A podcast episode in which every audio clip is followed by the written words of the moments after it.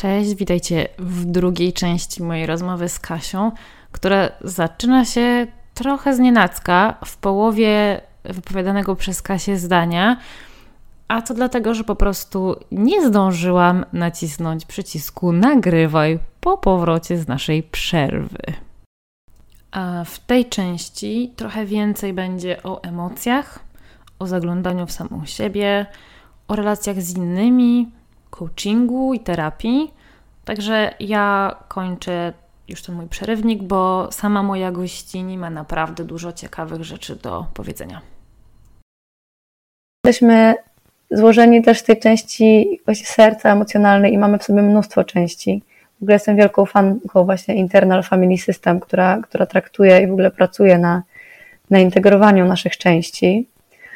E, no więc jest na pewno część we mnie, taka coachingowa, która chce zmienić świat i która chce pomóc, która mnie niesie, która jest taka wysoko energetyczna, ale nawet czuję, czuję teraz, że w ogóle z innego miejsca, z innego miejsca w piersi głos mój wychodzi teraz, jak mówię o tym, jak ja bardzo czuję, jestem Ci wdzięczna za to, że słuchasz i że robisz te podcasty, bo masz okazję po prostu być elementem naprawdę potężnej drogi do uzdrowienia tych miejsc, które nie były wysłuchane, nie były zrozumiane, więc to nie jest tylko tyle, że, ty, że ta rozmowa z Tobą to jest jakiś e, właśnie materiał dla kogoś, to jest, to jest materiał, to jest sesja terapeutyczna dla tych Twoich rozmówczyń. Tak, ale dla mnie też, wiesz jakie to jest dla mnie terapeutyczne? Właśnie to jest to, że po pierwsze, ja myślę, że też dlatego odzywają się do mnie dziewczyny, kobiety, albo jak ja do nich piszę, to one odpowiadają, że tak, chcę przyjść z tobą porozmawiać, bo jest ta potrzeba cały czas mówienia o, nim, o tym, bo to jest takie świeże. My się wszystkie dopiero niedawno dowiedziałyśmy o tym, tak. co z nami jest nie tak. I właśnie, że nie, nie tak. Ja też pisałam o tym po Nie, no ja wiem, to takie wiesz, ale co ze mną nie tak, ale tak, no jak żyjesz w przekonaniu przez te 20, 30, 40 czy 60 lat, jak moja mama, że jesteś totalnie sora zjebana, i że coś totalnie ci nie działa, jesteś po prostu niedorobiona i, i koniec, no już taka umrzesz, nie? Tak, tak i, i, i właśnie i, i, i dlatego ja czuję, że jest potrzeba słuchania o tym, jest potrzeba mówienia o tym, e, dla nas wszystkich to jest w równym stopniu terapeutyczne. Każda z nas znajduje gdzieś tam coś dla siebie w tym, o czym my tu mówimy. I tak jak mówisz, to tak rezonuje, nie? To, co ty mówisz, to wszystko, ja po, pod wszystkim tym, o czym ty opowiadasz, jestem w stanie się Jak ty wytrzymujesz mnie słuchać i po prostu nie wcinać, ty, ty jesteś to jest w ogóle mistrzostwo. Wiesz jak?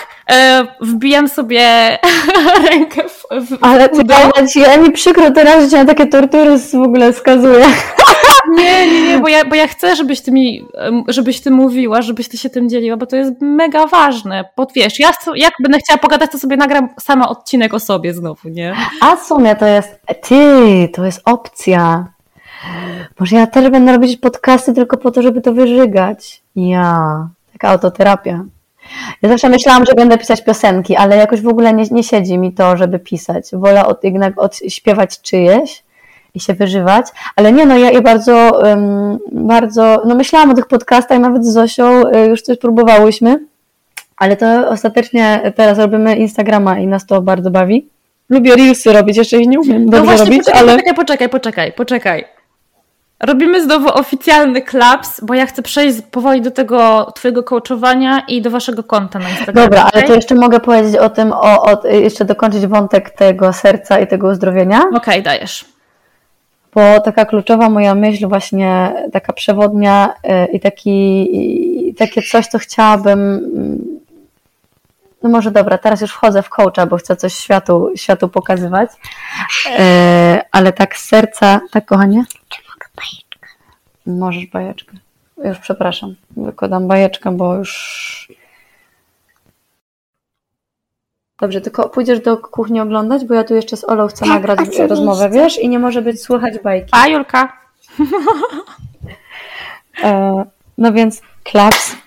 Więc taka, taka myśl, która mi e, bardzo rezonuje, że w ogóle lecz, leczą nie leki, nie, nie terapia, tylko relacja. Relacje leczą. W ogóle mój, mój taki hashtag, który sobie stworzyłam, no relacje to życie i bardzo mocno w to wierzę, że I to w ogóle jest naukowo potwierdzone, ale to jest nie potrzebujemy nauki, żeby potwierdzała to, że jesteśmy ludźmi i że to, co jest dla nas najważniejsze, to jakościowe i bezpieczne spotkanie z drugim człowiekiem. Że nie jesteśmy w stanie swojego układu nerwowego żadnymi technikami buddyjskimi, medytacjami, coachingiem, rowerem, bieganiem. To, to pomaga, pomaga się regulować, ale na takim głębokim, e, trwałym poziomie jedyne, co nas reguluje, to bycie widzianym i słyszanym w bezpiecznej relacji. Dlatego to jest tak ważne, żeby tą bezpieczną relację mieć z rodzicami. Jeśli tego nie ma, albo gdzieś to było zaburzone, to potem latamy po świecie i szukamy tego. I to nie jest złe, bo nikt nie jest idealnym rodzicem, nie da się w 100% po prostu zabezpieczyć tego dziecka. Sama jako rodzic widzę, że, że no kurde, no tak, no Jula będzie musiała szukać wsparcia sobie, bo nie, nie jestem w stanie zaspokoić wszystkiego.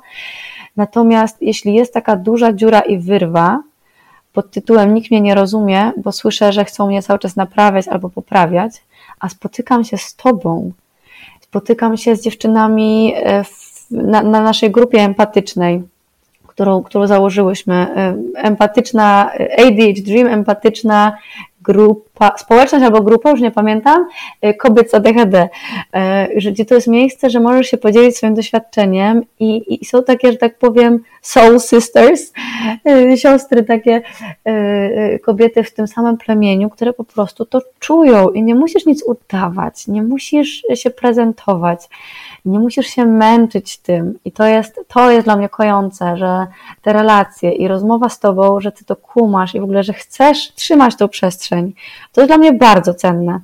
I, i też e, z perspektywy pracy z klientem jeden na jeden wiem, ile to potrafi kosztować ADHD-a, pozostać w kontakcie wtedy, kiedy ci się pojawiał a to, a to, a nowe i, i bodźce i chcesz już na przykład zmiany tematu, bo coś już wiesz, wiesz, co ta druga osoba powie, ale jednak zostawiasz tą przestrzeń. I, i to jest umiejętność, która, no, którą ADHD sobie musi wypracować, która jest takim e, czymś nabytym, co jest możliwe, ale no, e, jestem Ci mega wdzięczna, bo wiem, ile to po prostu potrafi, wymaga nieraz, nie? I jakie to jest też super kojące. Mm, dla tej drugiej osoby, mm. że to mhm. przestrzeń dostaje i ja tą przestrzeń u Ciebie teraz e, w tej rozmowie czuję i jest, e, jest to mega doświadczenie. Także bardzo Ola, dzięki. Cieszę się, że tak mówisz, bo, ale, bo to jest też tak z mojej strony, że we mnie jest taka prawdziwa ciekawość tego, co ty, bo okej, okay, ja mogę się domyślać, ty zaraz powiesz, ale mimo wszystko nasze doświadczenia są trochę inne. My wyrastałyśmy w innym środowisku, wiesz, żyłyśmy każda swoim własnym życiem, więc, więc ja z tej historii też dużo czerpię, dlatego, dlatego robię wszystko, żeby nie przerywać. Dziękuję Ci.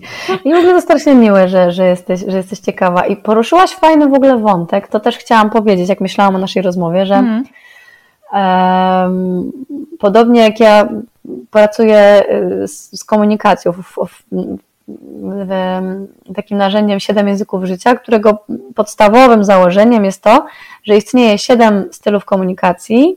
Każdy z tych stylów ma swoją charakterystykę, bardzo odrębną od każdego innego stylu, i że wszyscy ludzie na całym świecie porozumiewają się mieszanką tych siedmiu stylów. I że kluczem do poznania siebie wzajemnie jest, znaczy do zrozumienia i do efektywnej komunikacji jest zrozumienie charakterystyki tych siedmiu języków życia, tych siedmiu stylów komunikacji i jak poznasz dogłębnie charakterystykę tych języków, to tak naprawdę dostajesz klucz do porozumienia z absolutnie każdym człowiekiem na Ziemi. Więc można by się, mogłoby się wydawać, że no to, to wszyscy jesteśmy tacy sami, że nuda. Nie, bo te miksy są tak unikatowe, że w ogóle żaden profil się jeszcze nie powtórzył, bo oprócz tego, że jest te siedem języków, które w różnym natężeniu są, to jeszcze różni ludzie się utożsamiają z różnymi cechami, y, właśnie są z różnych backgroundów, różne historie, różne kultury. Więc pomimo, że te języki życia pozostają takie same, to one zupełnie inaczej pracują w każdym z nas. I mimo tego, że wystarczy poznać te siedem języków życia, żeby się dogadać z każdym, to wciąż nie da się powiedzieć, że znając charakterystykę języków życia, znasz drugiego człowieka. Bo mm. właśnie tam jest tyle ciekawości, tyle, tyle takich rzeczy, których ty się może nie domyślisz, bo te miksy, one się na siebie wpływają. Po prostu tych e, tych, tych relacji między tymi językami życia jest mnóstwo i każdy jest wyjątkowy. I podobnie z ADHD-rami. My się kumamy na pewnym poziomie, ale możemy mieć podobne doświadczenia w systemie, który generalnie w Polsce jest taki sam i był od stuleci i pewnie jeszcze na stulecia pozostanie, jeśli nic nie zmienimy z nim. Um, ale też mam, na, mam na, ja wierzę w to, że, że, że zmienimy, że będzie w nas taka siła, ale yy, wracając, każda historia jest inna, dlatego że każdy ADHD, czy każda osoba neuroatypowa jest absolutnie unikatowa. Dokładnie. I nasze historie mogą być podobne, ale Twoje doświadczenie jest inne i Ty jesteś zupełnie inną osobą. I to, że obie mówimy o czymś, co nas łączy, no to jest tylko ta część wspólna, co nie? Jakby takie dwa kółeczka, a reszta jest już w innych kolorach, co nie? Mm. Także to jest niesamowite. Ja na przykład też, e, no nie wiem jak ty, ale no ja w takim bardzo s, s, radykalnym katolickim domu się wychowałam i, i, i to też myślę, że mega E, mega mogło wpłynąć w ogóle na obraz tego ADHD. ADHD w kościele to też jest w ogóle temat rzeka. E, no ja w tym momencie, mm, no nieważne, to jest też temat taki, taki duży, ale, ale myślę też warty dotknięcia w kontekście w ogóle polskiej kultury i tego, jak my jesteśmy osadzani też w tym takim kościelnym e, powinnaś, nie powinnaś, grzech, nie grzech, lenistwo. No przecież mhm. rozmawiam z takimi bardzo zaangażowanymi dziewczynami, E, z, e, z tych kręgów takich mocno katolickich, które przeszły proces, jakby zaczęły się łapać, no cholera, to nie, to w ogóle spowiadałam się w ogóle z, czymś, co nie było grzechem, nie? I się pałowałam za coś, co, co totalnie, no za to lenistwo na przykład, nie? Mm. No, no, no to jest absurd, nie? Dochodzimy do totalnych absurdów w tym, w tym temacie. I ja też pamiętam, że to poczucie bycia gorszą i złą też było napędzane y, bardzo mocno religijnym takim warunkowaniem, że musisz mieć właśnie być wyspowiadana i czyste serce i do komunii. Jak nie pójdziesz do komunii, to w ogóle śmierć, zło i mm, no, no, no, no ja byłam sprawdzana z tego, nie? Czyli do komunii na przykład. To, to taka za dzieciaka. No potem po prostu przestałam chodzić do kościoła więc jakby, jakby problem się rozwiązał, znaczy natomiast za to też potem rodzice nieźle gonili, więc bo to te, no kumasz, nie? W ogóle bardzo trudno, weź na tej mszy wytrzymaj i bądź skupiona, a przecież jak się nie skupiasz, to też grzech, e, a przecież jak biegasz po kościele, to cię zaraz coś zruga, a nie możesz rozmawiać i komentować, bo to też nie wypada, bo to święte miejsce. Takie to wszystko niewyważone i bardzo nie ADHD friendly, nie? Hmm. Dlatego i też to niestety to poczucie jesteś brudna, jesteś zła, no nie pomagało, nie? Ten przekaz taki, że niby Bóg cię kocha, niby tu tego, ale żeby jednak zyskać jego jakąś tam jego, jego względy, to jednak musisz być jakaś. I, I w ogóle to, to, to mnie wkurza, że, że brakuje tego przekazu, że jesteś wystarczający, że dokładnie taką Bóg cię stworzył, dokładnie z takim mózgiem, dokładnie z takimi predyspozycjami i dokładnie taka masz miejsce tutaj, nie? Ja jestem teraz w tym momencie, że tak do tego podchodzę, natomiast widzę, jak, jak, jak bardzo wiele lat to było dla mnie cholernie trudne, ile energii też jakby zużywałam na to, żeby się wpisać w ten jakby kawałek, co nie?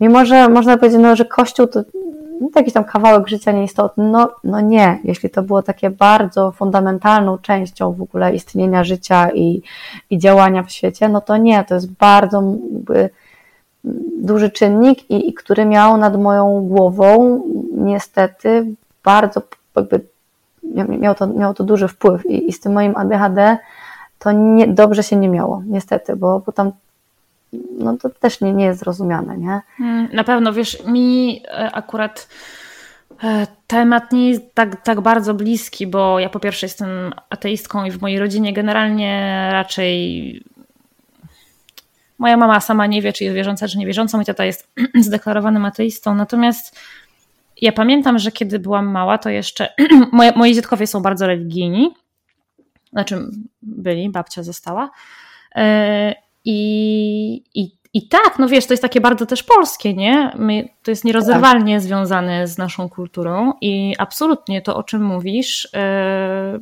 brzmi bardzo znajomo, bo, bo tak, bo na pewno dochodzi to poczucie, że właśnie nie dość, że w szkole słyszysz, że jesteś niewystarczająco jakaś, w domu słyszysz od rodziców, że jesteś leniwa, że możesz więcej, że, że ci nie zależy, że się nie starasz i oprócz tego jeszcze w kościele słyszysz dokładnie to samo. Znaczy właśnie niby nie. Niby w kościele słyszysz Bóg Cię kocha i w ogóle Ewangelia.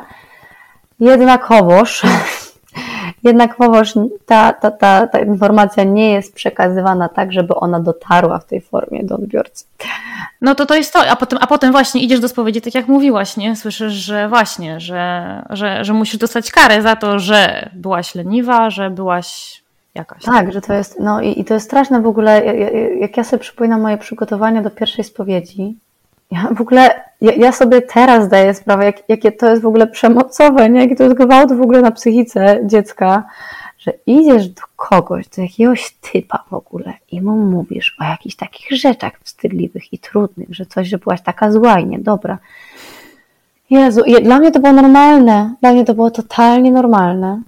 I, i, i, i, wiesz, i to przekazać, no, że to nie księdzu się spowiadasz, tylko Bogu, i takie, takie, takie zmuszanie się do tego, żeby to jednak robić i chodzić, a potem jak już to było dla mnie za trudne i przestałam chodzić, to takie to poczucie, że no w takim razie no nie jestem czysta, taka, nie mogę iść do tej komunii.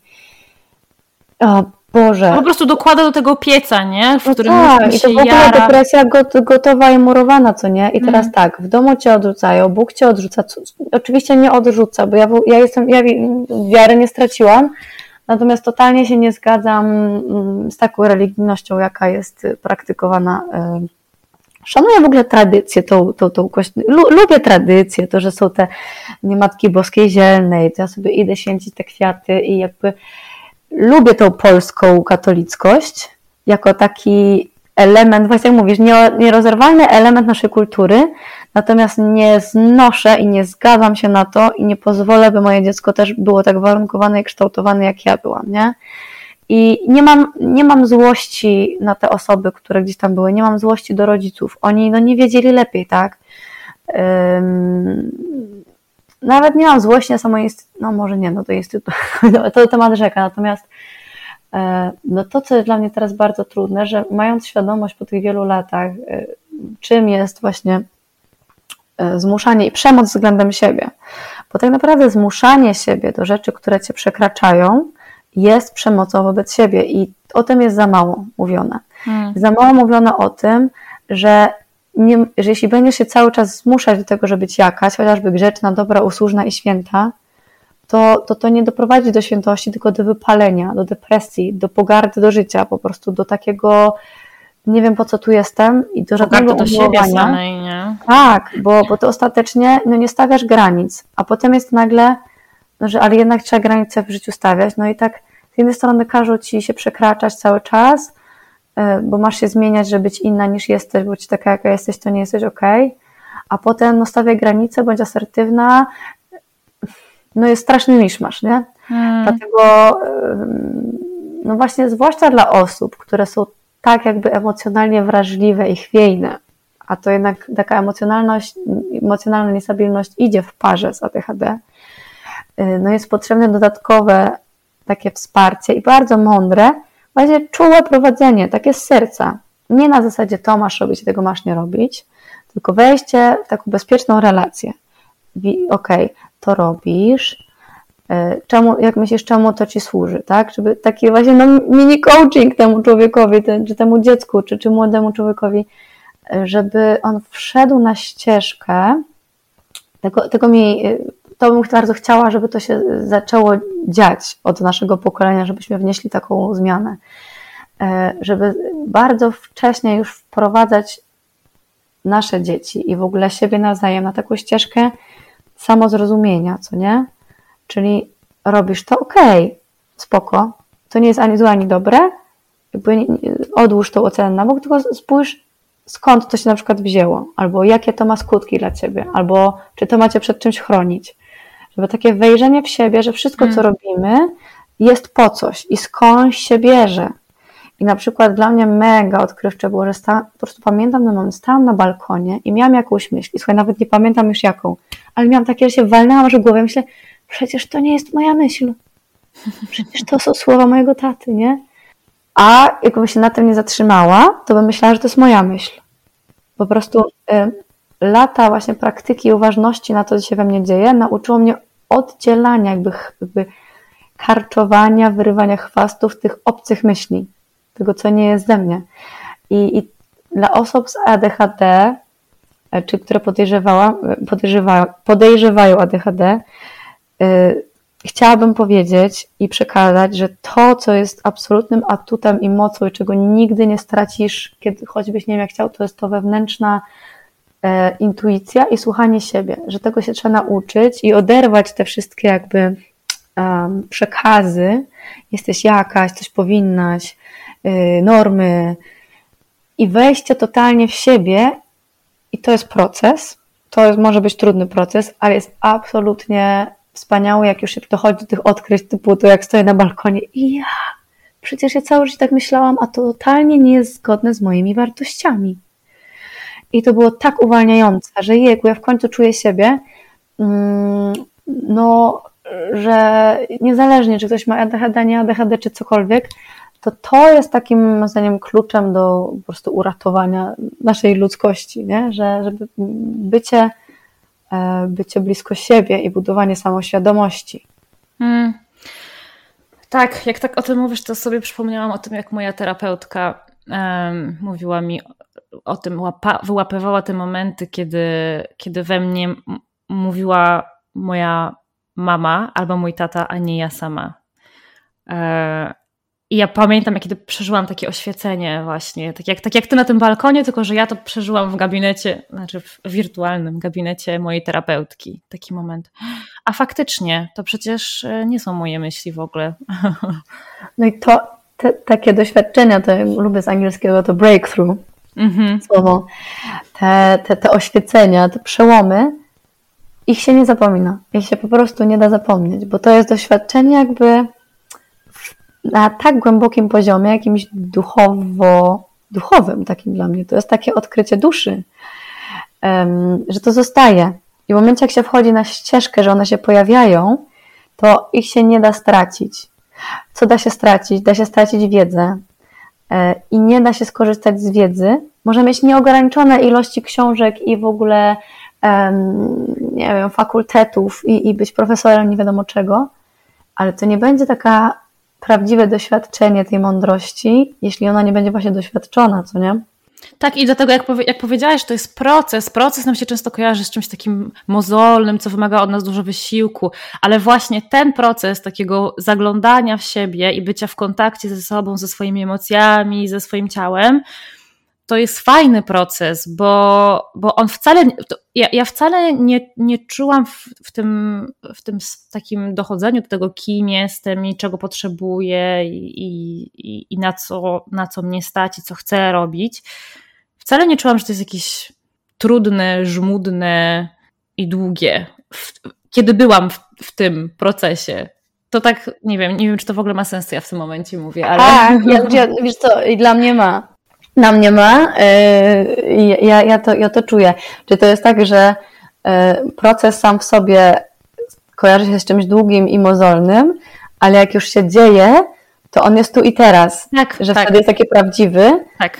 I okej, okay, jakby takie największe plony się zbiera po czasie, natomiast jak masz takie breakthrough, no, proces jest najgorszy wtedy, kiedy jest ciężko, nie? Kiedy masz tego doła i musisz sobie przypominać świadomie, proces, to wszystko mija, jestem w procesie. Uwielbiam te grafiki wzrostu, nie? że nam się wydaje, że wzrost to jest takie od linii A do linii B pod górkę, po prostu steady, steady state, idziesz krok po kroku i tam po jakimś czasie sobie jesteś gdzieś.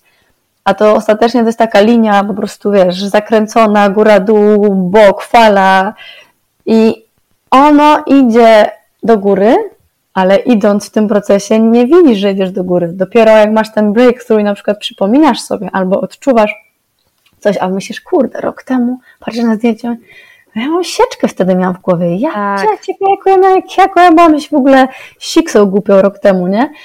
Znaczy tak śmiesznie, ja, ja nie, nie, mówię do siebie źle, już to jakby tak siksem na zasadzie takiego, że cieszę się, że ten rok przyniósł mi dużo dużo mądrości i że jestem w nowym miejscu, mm, bo to też warto zaznaczyć, że, że często źle o sobie mówimy, nie? Że, Ależ że te tak. są i, i jakby jesteśmy w tych gorszych momentach, y, sabotujemy. I to jest ciekawe, że w takich momentach, kiedy sami siebie sabotujemy, oczekujemy od innych, żeby nam to zrobili z zewnątrz. przynajmniej ja mam takie doświadczenie i widzę to też w pracy z klientami, że jak sami mamy te głosy i sami sobie dowalamy, że jesteśmy beznadziejni, gówniani, to pojawia się nagle ogromna potrzeba walidacji z zewnątrz. To jest taka ślepa uliczka, bo to prowadzi tylko do konfliktu, bo no, można mieć szczęście i spotkać osobę, która zechce wlać w nas tyle, żeby przynajmniej było ok, ale to nigdy nie wypełni tego, co możemy sami sobie zrobić. Zupełnie innym, zupełnie innym doświadczeniem jest pójść do osoby i ucieszyć się z jakiegoś dobrego feedbacku na swój temat, będąc pełnym samym w sobie, niż iść i jakby żebrać i czekać i być w relacji z sobą tylko po to, żeby doświadczyć, jestem spoko, jestem fajny, bo to jest takie wampiryczne, nie? Takie, że przychodzisz wystać i dlatego taka mi życie zaczęło smakować tym momencie, jak ja naprawdę, bo to też nie jest stałe, to nie jest tak, że jednego dnia to poczujesz i zostaje do końca, to też jakby każdemu powiedzieć, że jednego dnia czujesz, drugiego dnia nie czujesz, nie? I to nie znaczy, że to straciłeś once and for all and forever, tylko że y, no, dzisiaj masz taki dzień. I też akceptacja tego proces, nie? Tak, wiesz co, moja terapeutka o tym fajnie mówiła. Ona mi kiedyś powiedziała, że za jedną taką negatywną informację zwrotną potrzebujemy, żeby to zrównoważyć 100 głasków. Tak, głaski, głaski, no. Tylko, że te głaski, my ich często szukamy na zewnątrz. Tak. A zapominamy o tym, że my sobie powinnyśmy bardzo dużo tych głasków same dostarczyć. Tak, bardzo dużo głasków. To jest no. to, o czym ty mówisz, dokładnie to. Ale to jest trudne i ja pamiętam, rozmawiałam o tym z Moniką w, mojej, w, w drugim odcinku. Ona mówiła o tym, że ona czuła taką potrzebę właśnie walidacji z zewnątrz, że to bycie z innymi dla niej było takie ważne, bo ona, to ona, ona dostawała to takie potwierdzenie, że, że jestem, że jestem ważna, że jestem słyszana, mm. że jestem widziana. I tak jak mówisz, to jest ślepa uliczka, bo oczywiście będą ludzie w naszym otoczeniu, którzy przez jakiś czas będą mieli wystarczająco dużo energii, żeby dawać sobie te głaski i jeszcze nam rozdawać e, dodatkowo, ale może się trafić tak, że będzie będą ludzie wokół nas mieli trochę gorszy moment, będą potrzebowali być trochę bardziej skupieni na sobie, albo nie dostaną tego komunikatu, nie zrozumieją go, nie? że my w tym momencie potrzebujemy tej walidacji od nich. I no leżymy. Właśnie. Znaczy, no bo to też jest tak, że my często wybieramy sobie najczęściej też jakąś w ogóle e, jedną konkretną osobę jako strategię do zaspokojenia swoich wszystkich potrzeb, jakie istnieją, czyli bycia wysłuchanym, bycia zrozumianym, bycia przyjętym, w ogóle też przestrzeni osobistej, bo to też są takie e, sprzeczne pozornie potrzeby. Z jednej strony bądź dla mnie, ale też zostaw mnie w spokoju. I to, jeśli się tak przesiemy do kogoś, no to często jest partner, tak? No to to potrafi, no najczęściej, jak jest, e, no doprowadzić do konfliktów, no bo ta druga osoba też ma wolność i może powiedzieć, ej, nie chcę być Twoją strategią na zaspokajanie wszystkich potrzeb. Oczywiście to nie będzie brzmiało w taki sposób, bo to, co ja mówię, to jest taki język techniczny NVC. Jeśli mówisz o tym spotykaniu się, to od razu pomyślałam, że to, co mi pomogło też w drodze do takiego poznania i, i słucha, słyszenia siebie, to zdecydowanie są kempy rodzinne właśnie w duchu NVC, z warsztatami tygodniowymi, plus właśnie bycie z ludźmi, którzy w ten sposób chcą się spotykać ze sobą wzajemnie i ze swoimi dziećmi. Taka praktyka bycia w innej jakości relacji, w takiej, której na co dzień na ulicy nie spotykamy, tylko e, właśnie w takich grupach warsztatowych. I to, co jest niesamowite, że e, no na takim poziomie się spotykamy na tych warsztatach, że zawsze po, byłam na czterech edycjach i po, po każdej edycji zostają tacy ludzie od serca, że rozsiani po Polsce, nie mamy ze sobą kontaktu, ale ten, ten kontakt jest taki bardzo jakościowy, nie? Z poziomu serca, właśnie, bo nie ma pitu, pitu, pierdu, pierdu, tylko jest takie mięcho.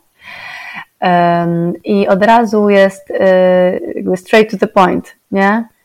Albo opowiadasz, co u ciebie w życiu i nagle się zapędzasz w to, że, y, że jesteś oderwana od siebie i ktoś ci, e, ty, ale no ja tu słyszę bardzo dużo potrzeb. I jest taka, takie wsparcie w tym, żeby jakoś od, odkryć, o co chodzi, y, o co mi chodzi, nie? Skąd te emocje, bo z kolei NVC jest oparte na, e, na takim założeniu, że wszystko, absolutnie wszystko, co robimy, jest warunkowane zaspokojonymi albo niezaspokojonymi potrzebami. że jest taka uniwersalna lista e, potrzeb, i które zaspokojone bądź niespokojne generują emocje, emocje myśli, myśli przekonania i z przekonań często wychodzą działania, a my, my pływamy po tej powierzchni przekonań i działania i, i nie jesteśmy nauczeni e, schodzić do tych poziomu potrzeb, a w momencie jak zauważysz, że okej, okay, to działanie pływa, płynie z jakiegoś przekonania, zatem te przekonania budzą mi takie emocje. Te emocje nie są przyjemne, więc to z niezaspokojonej potrzeby, jaka to jest potrzeba? I nagle odczuwasz tą potrzebę i masz takie w sercu, czujesz ją. Samo nazwanie, jaką ja mam potrzebę, mhm. robi takie wow. I często już więcej nie potrzeba, a nie potrzeba, no nomen, ale możesz zrobić kolejny krok i właśnie wystosować prośbę do siebie na przykład, tak? Czyli co ja chcę zrobić, żeby się tą zaopiekować, albo do drugiej osoby i przychodzisz już z czymś innym. Nie przychodzisz z żądaniem, z pretensją, tylko przychodzisz z informacją. To jest moja duża potrzeba i czy ty byś, pytanie otwarte, czy ty chciałabyś mnie jakoś wesprzeć, tak? No ja mogłam ci powiedzieć, mam, Ola, no czuję, że strasznie chcę być usłyszana i widziana i po prostu czy ty mnie weźmiesz na podcast, bo ja strasznie tak bym chciała użyć tego podcastu jako strategię na zaspokojenie tych dwóch potrzeb. to mogło być tak, nie? Mm. No i taka integracja e, tych potrzeb i strategii, e, no to też jest praktyka i proces. Jak pamiętam siebie, jak jechałam na pierwszy kemp i teraz, no to mimo, że nie, myślałam, że nie zrobiłam progresu i że jakoś w ogóle nie, to, to jednak to doświadczenie buduje osobowość. Ja jestem już innym człowiekiem dzięki temu doświadczeniu, więc ja jestem absolutną w ogóle adwokatką i promotorką. Uwielbiam, uwielbiam NBC i um, bardzo, bardzo polecam. No. Kasia, czy ty myślałaś o tym, żeby iść w stronę coachingu osób z ADHD? Tak! tak, bardzo tak. Znaczy w ogóle e, od kilku lat wiem, że chcę być coachem. E, przeszłam już nawet szkolenie trzymiesięczne, bardzo kompleksowe na temat budowania biznesu i też doświadczyłam wielu godzin bardzo intensywnego coachingu, mm, czyli przeszłam proces, ale to było w zeszłym roku. W zeszłym roku, tak, w sierpniu właśnie skończyłam, skończyłam kurs, więc mija rok i nie zaczęłam biznesu. I tak sobie zdawałam pytanie, ale dlaczego? No i to jest właśnie to, że wiesz, że wszystko masz, ale, ale to się nie dzieje.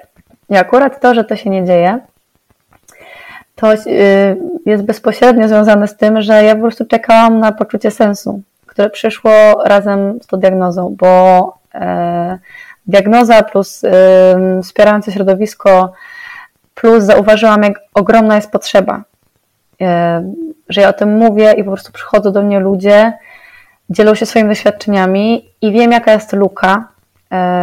W ogóle bardzo wielu terapeutów, no to niestety jest doświadczenie też mojej mamy, która swojej terapeutce powiedziała, że, e, że została zdiagnozowana na ADHD i terapeutka w ogóle, no, no okej, okay, przyjęła, ale jakby no ewidentnie nie była przekonana do tego, a już jak mama powiedziała, że zdecydowała się spróbować farmakoterapii, żeby się wesprzeć, to, to wręcz zaczęła krytykować ten wybór. O oh, wow. Tak. I no na szczęście no, no, mama, mama jest y, na tyle właśnie twarda babka, że powiedziała, że no nie zmieniła terapeutę, nie? Znaczy chyba teraz w procesie szukania, ale mm, y, no nie, nie kontynuowała procesu, no bo jak?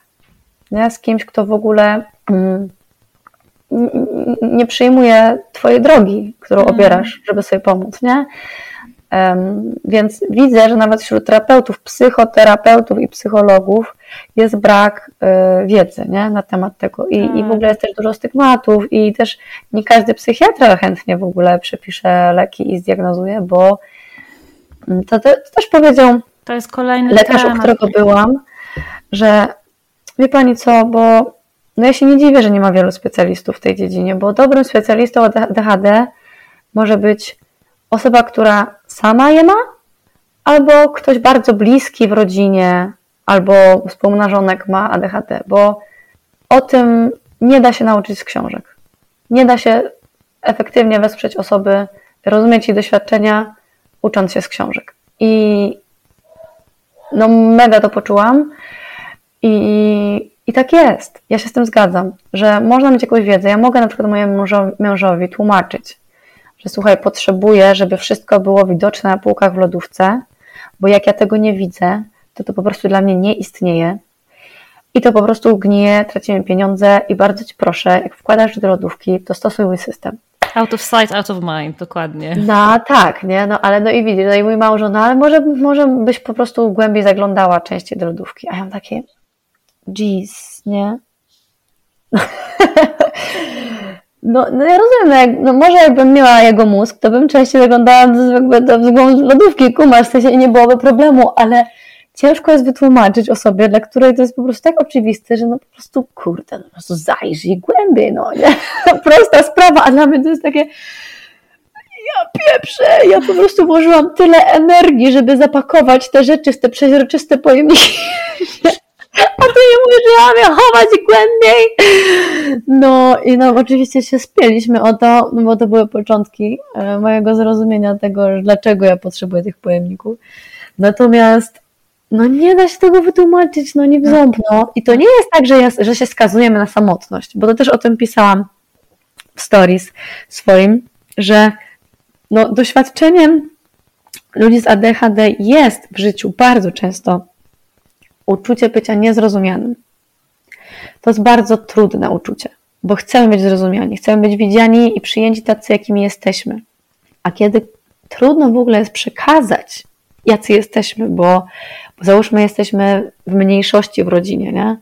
Ja w ogóle nie wyobrażam sobie nie mieć, być na przykład jedyną tylko neuroatypową w, jakiejś, w jakimś systemie rodzinnym. No, ja, pomimo, że nie wiedzieliśmy, to jakoś tam działaliśmy w tej naszej, w tej naszej neurotypowości i jednak czułam, że nie jestem aż jakby taka nienormalna, bo przecież moje rodzeństwo też tak ma, czy mama, ale poczucie takiego niezrozumienia i osamotnienia musi być mega ciężkie. Jest traumatyzujące strasznie. Jest traumatyzujące, ale nie musimy w tym pozostać, że to jedno, to znowu podkreślam, nie lubię tej łatki. Najchętniej bym jej nie używała, no ale jest jeżeli już czujesz, że jest jakieś ADHD i ty gdzieś przynależysz, to to znowu ta relacja i to okej, okay, mam, swoją, mam swoje stado. Tak, to budowanie społeczności. Wice, wilczyce, y, po prostu, które są ze mną. Ja mówię o kobietach, bo y, no, teraz bardzo mocno czuję takie no, potrzebę i chęć tworzenia takiego babskiego grona. Natomiast jestem otwarta na to, żeby w przyszłości też mężczyzn jakby wkluczyć. Natomiast e, nie mam doświadczenia męskiego ADHD, w sensie ja sama nie jestem mężczyzną, więc znowu trudno mi jest, nie wiem, mówić do mężczyzn, którzy na przykład nie doświadczają PMS-u, który jest jeszcze dodatkowa rzecz, hormony ADHD. Jezu, o tym chciałam porozmawiać i czuję, że nam czasu zabraknie. No już kurde, no jest, jest, jest, jest ostro. Ale też w ogóle zrobiłyśmy y, z Zosią na ADHD Dream y, ADHD i PMS, bo to jest w ogóle mm, osobna historia, no to jest po prostu, ja nazywałam to zawsze, zanim wiedziałam, że to jest związane z ADHD, no okresową depresją. Bo no dwa dni przed okresem, ja nawet nie w trakcie, tylko tuż przed, no trzy, to, trzy no tak, no dwa, trzy dni przed no z dnia na dzień, kurde, no wszystko jest szare, burę, beznadziejne, znowu deprecha i to w takiej skali jak ta z kwietnia, tylko że to dwa, trzy dni, co nie? I ja wiedziałam, że to minie. A, pewnie będę miała okres. I dla mnie to było normalne, aczkolwiek strasznie wyczerpujące dla mnie i dla całego też świata, co nie? No bo weź sobie coś zaplanuj, jak raz w miesiącu, zawsze masz po prostu trzy dni depresji, że świat, że nie masz ochoty rozmawiać, że po prostu jest dramat, tak? Tak, to ja sprzed trzech dni. Dosław, do, dokładnie, Ojej. dokładnie ja, tak. No, no, to, ale ty już sobie wiesz na przykład, żeby nie planować nagrywań wtedy, nie? Czy nagrywałaś? Mm, nie, w tym czasie nie, w tym czasie nie, ale, ale to nieważne, co ja robię, wiesz. Ja nie jestem wtedy w stanie pracować. Po pierwsze, w ogóle mój mózg nie funkcjonuje tak jak, no, tak jak normalnie. Tak. Nie dość, że w ogóle mam problem z tym, żeby się skupić i zorganizować, to jeszcze, e, wiesz, w czasie e, PMS-u ja zauważyłam, że na mnie też leki dużo słabiej działają. Ja, ja mogę wziąć moją normalną, normalną dawkę medii, a czuję się tak, jakbym prawie nic nie wzięła. Pieniądze wrzucone w błoto, wiesz. No właśnie, no i tego też trzeba się nauczyć. Właśnie mm. to też jest proces, tak, że wchodzisz i niby masz takie o zbawienie, że ta tabletka i mogę sobie się wesprzeć, bo to często tak działa, że, że po prostu to przychodzi jak takie zbawienie. O Boże, dostaję, może, mogę w końcu skorzystać z całego mózgu swojego, tak? Nie, nie działam jakąś tam ćwiartką, e, tylko w końcu mogę działać w pełni swoich po prostu możliwości intelektualnych. To jest wspaniałe. Ale no właśnie, przeziębienie, może też interakcja z alkoholem na przykład, czy z jakimiś innymi używkami. U mnie z kawą strasznie słabo to działa, więc muszę odczekać odpowiednią część, odpowiednią, yy, odpowiedni czas, żeby wziąć kawę. I tego znowu też się uczymy, co nie? Czyli w ADHD chciałabyś mieć już teraz, naraz, zaraz i masz taki, och, zajebiście, mam tabletkę, moje życie się zmieni i nagle się okazuje, że PMS i ona nie działa. Jest takie, what the fuck, nie? Mm, u mnie, wiesz co, jeszcze był taki moment, ja, na, ja nadal to czuję, efekty tego COVID, który mi wyżarł połowę szarych komórek. I ja w pierwszym tygodniu po przejściu COVID-u pamiętam siebie w pracy, miałam zebranie z kolegą i ja próbowałam mu coś wytłumaczyć i nie byłam w stanie złożyć zdania, które brzmiałoby sensownie. E, przepraszam, otworzę Julii e, drzwi, dobra? Bo wchodzi od balkonu. Chcę wrócić na tory, na których byłyśmy kwestie y, związane właśnie z, z kobiecym ADHD, jakby mówienie, głośne mówienie o tym, poruszanie tych tematów, które są trochę mniej wygodne, albo o których się mniej mówi, których, o których mniej wiadomo, są ci bardzo bliskie i to nie tylko dlatego, że jesteś kobietą z ADHD, ale też dlatego, że zaczęłaś prowadzić konto na Instagramie, o którym A. już tak. wspomniałaś, więc może, może powiedzmy trochę o tym. Okej, okay. um, no więc y, jak um, zaczęłam podejrzewać u siebie ADHD, to zaczęłam wrzucać posty w tym temacie na swoje prywatne konto na Instagramie i na Facebooku.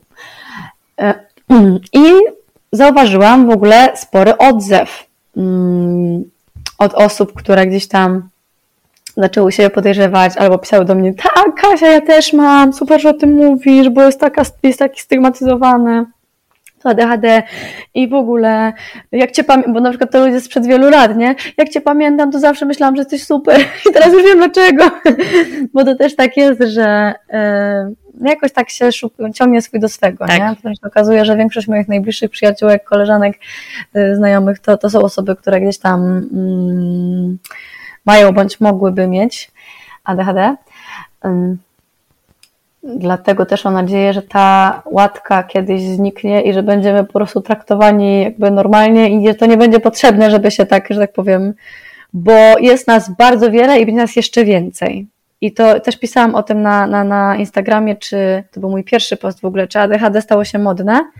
I nie, nie stało się modne, tylko po prostu y, jesteśmy u jakby przełomu dziejów na przełomie dziejów, gdzie e, no bardzo wierzę, że w którymś pokoleniu w końcu e, no, wywalczymy e, to, że nie będzie tego stygmatu, tak? Albo przynajmniej, że to disorder, że to zaburzenie zniknie z nazwy, nie? Że może po prostu będzie jakaś cecha osobowości albo coś takiego, nie? W każdym razie wracając do, do tego profilu,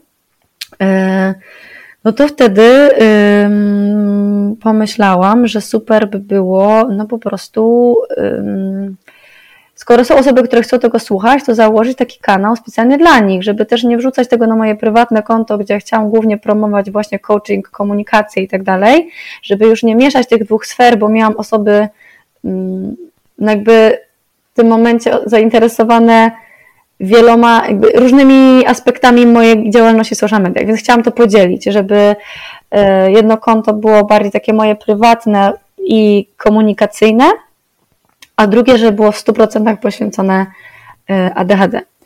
E, nazwę podwędziłam Zosi. Zosia, moja, moja przyjaciółka, wymyśliła tą nazwę, więc zapytałam, czy mogę jej użyć. Zgodziła się. I właściwie po kilku tygodniach zdecydowała, że chce dołączyć ze mną do prowadzenia tego konta, bo w ogóle takie było początkowe założenie, że jeśli będziemy tworzyć jakiś content y, taki uświadamiający, e, bo zawsze miałam takie pragnienie, żeby przekazać coś e, światu, głównie o relacjach i o tym, jakie one są istotne, Natomiast jak się okazało, że Zosia też zaczyna widzieć pewne symptomy u siebie ADHD, no to poczuła, że ten temat też jest bliski i że, może, że to może być ten obszar, kiedy gdzie będziemy razem. Ja się mega ucieszyłam, bo ja lubię rzeczy robić razem. E, zresztą no, od dawna miałyśmy takie pragnienie, żeby zrobić coś. Żeby zrobić coś razem. Generalnie nie, nieważne co, ale żeby zrobić coś dużego i fajnego razem. Mm. No i ten temat, e, ta ścieżka wydaje się po prostu e, no, tą, tą drogą. Więc jest na Instagramie ADH Dream, tak się nazywamy. I to konto prowadzę ja i Zosia.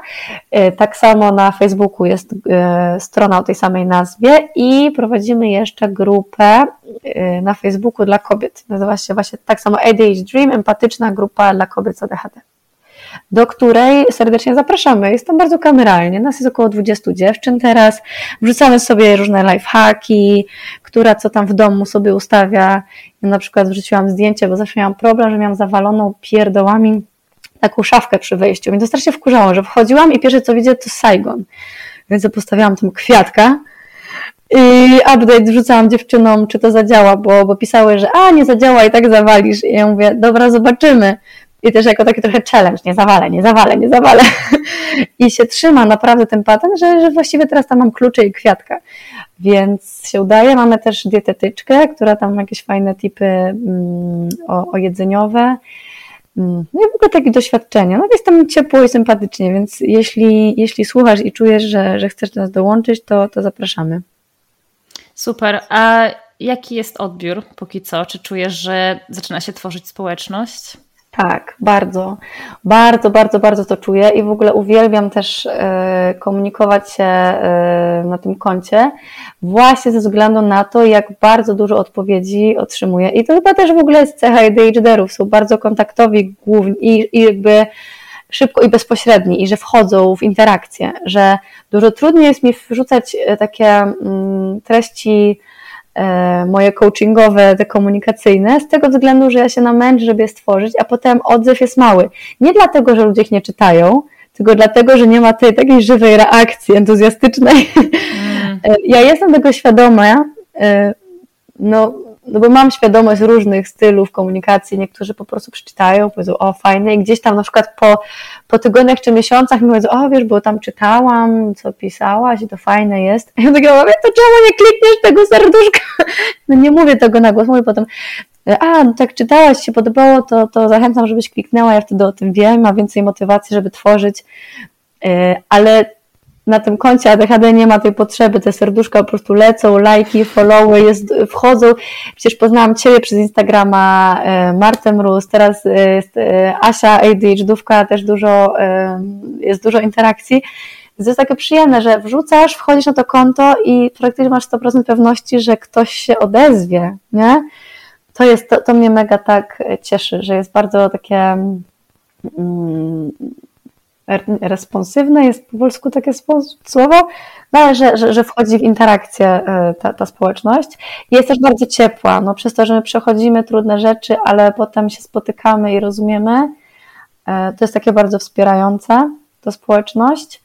E, I, I podobnie jak ty stosunkowo niedawno zaczęłaś działalność, tak samo my z Zosią, tak samo kobieca ADHD, no mam takie poczucie, że się tworzy pewien ruch, no bo niezależnie od siebie w różnych miejscach świata zaczęłyśmy tworzyć treści po polsku, bo wszystkie zauważyłyśmy, że jest nie, niedobór, bo ja korzystałam z treści zagranicznych, bo mam taką możliwość, bo znam angielski, ale no nie każdy chce korzystać z zagranicznych źródeł. Tak jest. Więc pomyślałyśmy z Zosią, że to będzie super y, inspirować się tymi kontami y, amerykańskimi, które, które są wielkie i tam w ogóle coaching ADHD jest bardzo popularny i jest dużo tych coachów. U nas to jest jeszcze takie w ogóle w Polsce coaching jeszcze jest taki. Jest owiany bardzo złą sławą i ja o tym będę rozmawiać y, z coachem y, ADHD, którego, którego będę miała okazję gościć niedługo, także ten temat. Na ten się. odcinek czekam, bo to bardzo właśnie tutaj mój, e, moja dziedzina i jestem też ciekawa, co, co on powie. Bo tak, nie, nie, nie ma nie ma takiej, nie ma dużego zaufania, jeśli się nie ma tam certyfikatów i nie wiadomo czego, bo wciąż mamy taką świadomość w Polsce, że właśnie trzeba mieć ten papier, że to daje bez, poczucie bezpieczeństwa, że jestem w dobrych rękach, że nikt mnie tam nie, jakby nie zepsuje, nie, nie sprzeda jakiejś ściemy. Ale to też wynika z tego, że w Stanach i tutaj też w Wielkiej Brytanii jest tak, że coaching jest po prostu jedną z naturalnych dróg e, radzenia sobie ze swoim ADHD. Dostajesz diagnozę, a potem dostaje, zostają ci przedstawione trzy możliwości. Możesz brać leki, możesz iść na terapię, a możesz iść na coaching. Można robić wszystkie trzy, te trzy rzeczy równolegle, oczywiście, ale bardzo dużo osób, które nie mają do przepracowania żadnych traum albo dodatkowych problemów, decydują się na leki plus coaching albo sam coaching. Tak jest. Tak. No i to jest cudowne, bo to jest właśnie, bo tak naprawdę dowiadując się, co się zmienia w Twoim życiu, że dowiadujesz się, że masz ADHD. No, dowiadujesz się, że działasz w jakiś określony sposób i co możesz z tym zrobić? No, masz nauczyć się zarządzać sobą, nic więcej. Tak w ogóle cokolwiek masz w życiu, to nie masz innego, w ogóle wszystko w życiu chodzi o to, żeby nauczyć się mądrze sobą zarządzać. Z poziomu zrozumienia i akceptacji i samoświadomości, żeby nie zarządzać czyimiś głosami, nie zarządzać y, według systemu, nie zarządzać, bo tak trzeba, tylko zarządzać mądrze. Nawet jeśli wybieram drogę systemową, to dlatego, że ja tak wybieram i jestem tego świadomy, a nie dlatego, że coś mną prowadzi. Y, kumasz, w sensie czaisz, mhm. tak, że tak, tak. żeby wejść na drogę takiego um, poznać swoje możliwości i, i je świadomie wybierać, a nie iść po prostu taką, wiesz, kolejną, która jest mi przedstawiona tak, że na przykład no, idziesz do przedszkola, do szkoły, liceum, matura, studia, etat, emerytura, śmierć, nie? No, no ja tak widziałam życie bardzo wiele lat. Hmm. Jakie to jest smutne. Tak, tak, Jakie tak. to jest smutne. No i właśnie y, zarządzając teraz po swojemu, wiem, że nie muszę iść na etat. Jest freelancing, jest w ogóle B2B. Y, można znaleźć firmy, które na przykład nie wymagają, żebyś była ósmej w biurze. Są możliwości, nie? I, i które, które, y, które zaczynam widzieć dopiero w momencie, kiedy zaczynam zarządzać sobą w zgodzie z tym, jakie mam predyspozycje i nie marnuję energii na to, żeby się zmuszać do czegoś, co wiem, że będzie zjadało lwią część mojego, mojej energii życiowej, czyli na przykład wstawanie rano.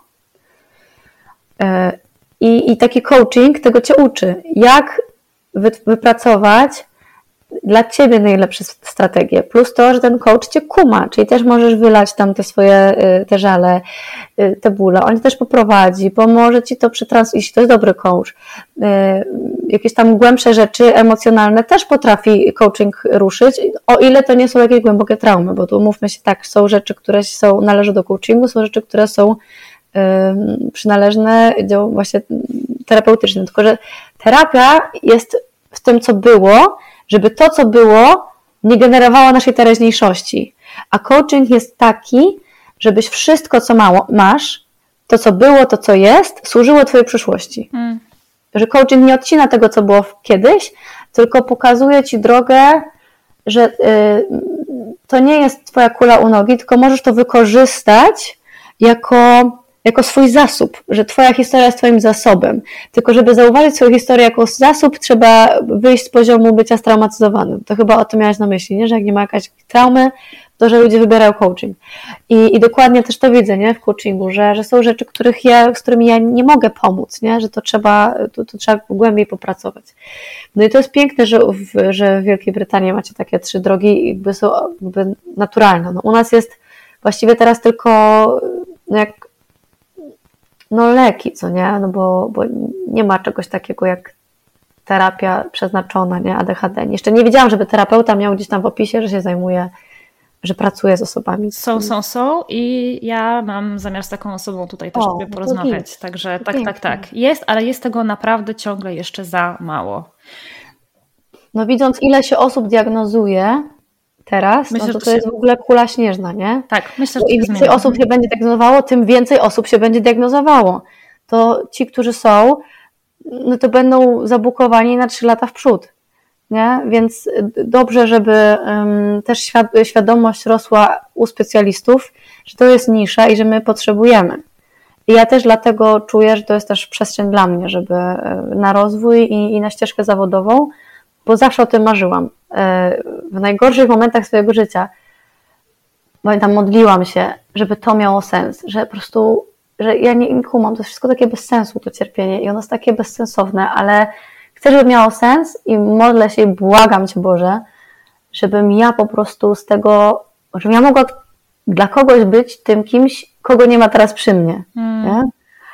I, I właściwie to, to się dosyć szybko zaczęło dziać i, no i dalej czuję takie duże pragnienie bycia taką właśnie trzymać to wiaderko do żygania tej drugiej osobie, żeby przyjąć to, y, ukochać, pomóc, zauważyć też, najpierw pomóc wyrzucić te wszystkie trudne rzeczy i, i być tą osobą, która będzie stała obok i będzie jakby trzymała po prostu i głaskała po plecach i trzymała włosy w cudzysłowie oczywiście, mówię tutaj o żyganiu emocjonalnym, a potem powoli razem będziemy e, no, znajdować te strategie, odkrywać te piękne rzeczy. Nie, nie jestem terapeutką, więc to nie będzie y, terapeutyczna praca. Zastanawiam się, czy nie byłeś w tym kierunku, ale to na pewno jest perspektywa no, przyszłych lat. E, na dzień dzisiejszy, no to na razie y, takie uświadamianie i raczej właśnie takie sesje empatyczne, nie? Mm, bycia, bycia blisko i niekomercyjnie, ale do, przyszłościowo na pewno, na pewno widzę siebie jako osobę, która tworzy coś dla naszej społeczności. I dla, przede wszystkim jeszcze dla, chciałabym bardzo zadziałać w, e, w obszarze, który też jest bardzo jakby niezaopiekowany. Coś, czego ja szukam i jest bardzo ciężko, czyli coach dla rodziny. Czyli na przykład, tak jak ja mam, jestem ADHD, mąż nie i dziecko prawdopodobnie tak, to żeby cała odpowiedzialność za mediowanie tych spraw nie była na mnie, która też jakby chciałabym być zaopiekowana z moim ADHD, żeby ktoś, kto też z zewnątrz pomoże nam nawigować nasze rodzicielstwo, e, no bo są pewne rzeczy, które, z których, których ja na przykład nie nauczę moje dziecko, bo sama ich nie mam. E, e, kwestia też akceptacji pewnych rzeczy, które są niezmienialne, co nie? A co możemy zmienić? Też, żeby pomóc temu rodzicowi neurotypowemu usłyszeć i zrozumieć, bo no, nie każdy jest coachem komunikacji, nie każdy ma tyle pasji do tłumaczenia jak ja, więc wyobrażam sobie, że ktoś, kto nie ma tych narzędzi, mógłby mieć ogromny problem, żeby w ogóle przetłumaczyć i dotrzeć do kogoś, kto, komu jest trudno to zrozumieć. Mój mąż jest otwarty na słuchanie, natomiast wciąż dla niego to jest bardzo trudne. Więc ja korzystam ze swoich narzędzi takich profesjonalnych, ale ja łączę w sobie teraz dwie role, tak? Jestem coachem i jestem żoną i matką, która potrzebuje wsparcia męża, co nie? I to jest taki trochę fuck up, bo ja sama sobie jakby wchodząc w rolę coacha, jakby no, odbieram sobie, no, trudno mi jest wchodzić w tą bezbronną część żony, że ej stary, no po prostu ja potrzebuję no, męża teraz, nie, nie chcę cię kurczować, po prostu chcę, żebyś tam po prostu to zrozumiał i tyle. No ale nie zrozumiem, jak mu nie wytłumaczę. Więc roz, czy, czy, rozumiesz? Tak, oczywiście. Chciałabym być dla kogoś takim kimś, kto przyjdzie i trochę przetłumaczy jednemu i drugiemu i też pomoże E, jakąś, jak, jakieś strategie dobre zbudować i też zrozumienie w tej drodze bycia rodzicem, nie? W takiej neuroatypowej rodzinie. Ja myślę, że to jest, to jest mega nisza i myślę, że to jest bardzo dobry kierunek i jeżeli faktycznie myślisz o tym, to, to mam nadzieję, że pójdziesz, pójdziesz w tym Bo kierunku. ja naprawdę szukam takiej osoby dla nas i nie jest to proste, żeby ktoś po pierwsze kumał temat ADHD u dzieci i ADHD u dorosłych, i w ogóle jeszcze y, stylów przywiązania, komunikacji i w ogóle wszystkiego, co się tyczy związku, bo w tym momencie musisz być specjalistą, specjalistą od dziecka y, i od rodziców, czyli tak naprawdę terapeutą rodzinnym. No i chyba wychodzi na to, że to jest coś, co mnie najbardziej kręci i, i, że może w tym, w tym kierunku bym poszła, bądź jeśli nie chcę, też myślę o tym, żeby po prostu taki ruch jakby stworzyć, żeby e, właśnie fundacja, stowarzyszenie, jeszcze nie wiem, mi się to w głowie bardzo, mm, mam dużo pomysłów, jak to ADHD ma, wiele pomysłów, mm, ale na pewno mega to czuję, nie? Mm. Idź w tym kierunku, bo to jest dobry kierunek. Wiesz co, chciałabym tak móc z Tobą gadać i gadać, ale, ale, ale jest, y, minie trochę czasu. Y, myślę, że y, czas, czas na podsumowania. Ja chciałabym Ci takie jedno ważne pytanie zadać na sam koniec. Znaczy, moim zdaniem ono jest ważne. Bo ta nasza chęć mówienia o tym bierze się stąd, że tak mało o ADHD ciągle wiadomo, u ludzi dorosłych zwłaszcza. Że, że jest taka ogromna stygma związana z samą tą nazwą, której przecież my obie też nie znosimy. Ale gdybyś miała taki, taką magiczną różdżkę, za pomocą której mogłabyś sprawić, że wszyscy na świecie, wszyscy neurotypowi nagle wiedzieliby jakąś taką jedną ważną rzecz związaną o neuroróżnorodności. Co by to było? Że nie ma rzeczy dziwnych, są tylko takie, których nie rozumiecie. I zapraszamy, bo bardzo chcemy, żebyście zrozumieli i też chcemy z Wami żyć, bo jesteście nam potrzebni i chcę, żebyście wiedzieli, że my jesteśmy Wam potrzebni też. Bo ja bardzo wierzę, że jesteśmy, my, ADHD, że jesteśmy dani temu światu. Bardzo jesteśmy potrzebni i że my coś w ogóle na poziomie takim światowym przebudzamy. Że to, że teraz jest taka, taki wysyp diagnozy i że to u nas w Polsce na przykład teraz w takim no, mocno zastanym się jednak mimo wszystko. Idziemy do przodu, ale jest mnóstwo elementów w naszym takim systemie krajowym, takim jako w ogóle społecznym, jako Polacy, że my po prostu to status quo zaburzamy i że to jest dobre, że to jest na to czas po prostu. Że czas przestać się buntować na nas i przyjąć, że my wnosimy wartość i że chcemy, że tak mocno teraz mówimy o tym i chcemy być usłyszani, dlatego że jesteśmy po prostu w ten czas bardzo Wam wszystkim potrzebni, z tym, co mamy. Tak, to jest, to jest super myśl. Podpisuję się pod nią obydwiema rękami, nogami i czym, czym tylko mogę. Kasia, tak mi się fajnie z Tobą gadało, tak jak mówię, mogłabym tutaj siedzieć i rozmawiać, ale w brzuchu mi burczy, muszę iść coś zjeść. No, ja już też, ja już też zresztą mm, już czuję też, że Medi, Medi zjeżdża, że druga, druga porcja wiedzie zaraz tak po obiadku. Zresztą, no tak jak gadałyśmy, pozytywne emocje też przestymulowują, a też chcę mieć trochę mózgu jeszcze, żeby się córeczką zająć, która teraz będzie stęskniona i to jest też tak jakby zagwozdka e, e, rodzicielstwa DHD, zrobisz coś dla siebie, jest jakiś szczęśliwy, ale potrzebujesz potem odpocząć. I to jest ten moment, kiedy twoje dziecko wraca z przedszkola i bardzo cię potrzebuje, bo jest stęsknione i nie może odpocząć, bo, bo, bo chcesz być z tym dzieckiem, ale już nie masz siły, także hmm. to też jest takie, taka, no, jak chodzenie po linie, nie? gdzie tą energię swoją. Także teraz się pożegnamy, chyba trochę jeszcze poddycham swoim własnym powietrzem i pójdę E, i pójdę moje dzieciątko utuli, żeby też wiedziała, że jest dla mnie ważna i że rozmawiam z tobą i że to super dla mnie, ale że też wiem, że tam jest i że tęskni. Także, także też, już, też już czuję, że to jest ten czas. Dobra, Kasia, to ja Ci bardzo dziękuję za przemiłą i przedługą rozmowę. Dzięki Ci, Ola, bardzo jeszcze raz za ten czas, za ogrom uwagi, którą poświęciłaś, za Twoją ciekawość, w ogóle za ten podcast. Ja, to jest naprawdę y, bardzo dobra, dobra rzecz i cieszę się, że, że trzymasz tu przestrzeń dla tylu wspaniałych kobiet i czekam na kolejne odcinki. No, jestem też zaszczycona i szczęśliwa, że, że mogłam tutaj z Tobą być y, i życzę Ci wszystkiego, wszystkiego dobrego. No i no jeszcze raz wielkie, wielkie dzięki to ja Ci dziękuję i powodzenia e, w realizowaniu wszystkich Twoich planów związanym, związanych z szerzeniem świadomości na temat ADHD u ludzi dorosłych. Dzięki Dziękuję Kasia. bardzo. Dzięki. Dmuchnęłaś mi w skrzydła mega. Pa. Pa.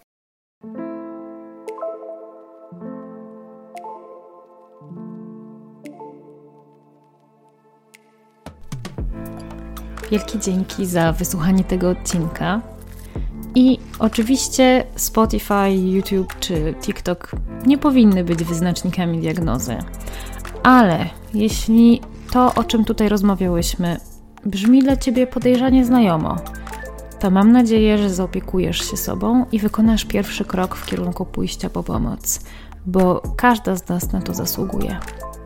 Do usłyszenia w kolejnym odcinku.